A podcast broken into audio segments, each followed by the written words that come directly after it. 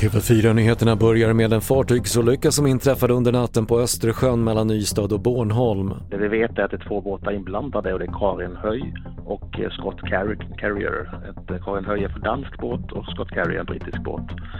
Eh, och de har troligtvis kolliderat och Karin Höj ligger nu, nu upp och ner eh, kapsejsat. Det vi vet är att det är minst två personer ombord. Mer vet vi faktiskt inte idag. Det sa Jonas Fransén på Sjöfartsverket och ett tiotal båtar och flera helikoptrar uppges vara på plats för att delta i räddningsinsatsen. USAs president Joe Biden utlyser katastroftillstånd i Kentucky efter helgens förödande oväder med en serie tornador som befaras ha krävt över 100 liv. Beslutet om katastroftillstånd innebär att federala resurser frigörs för delstaten.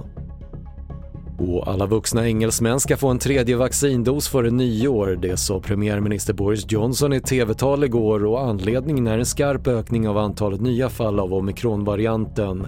Men däremot gav Johnson inga besked om nya restriktioner. Fler nyheter hittar du i vår app TV4 Nyheterna. Jag heter Patrik Lindström.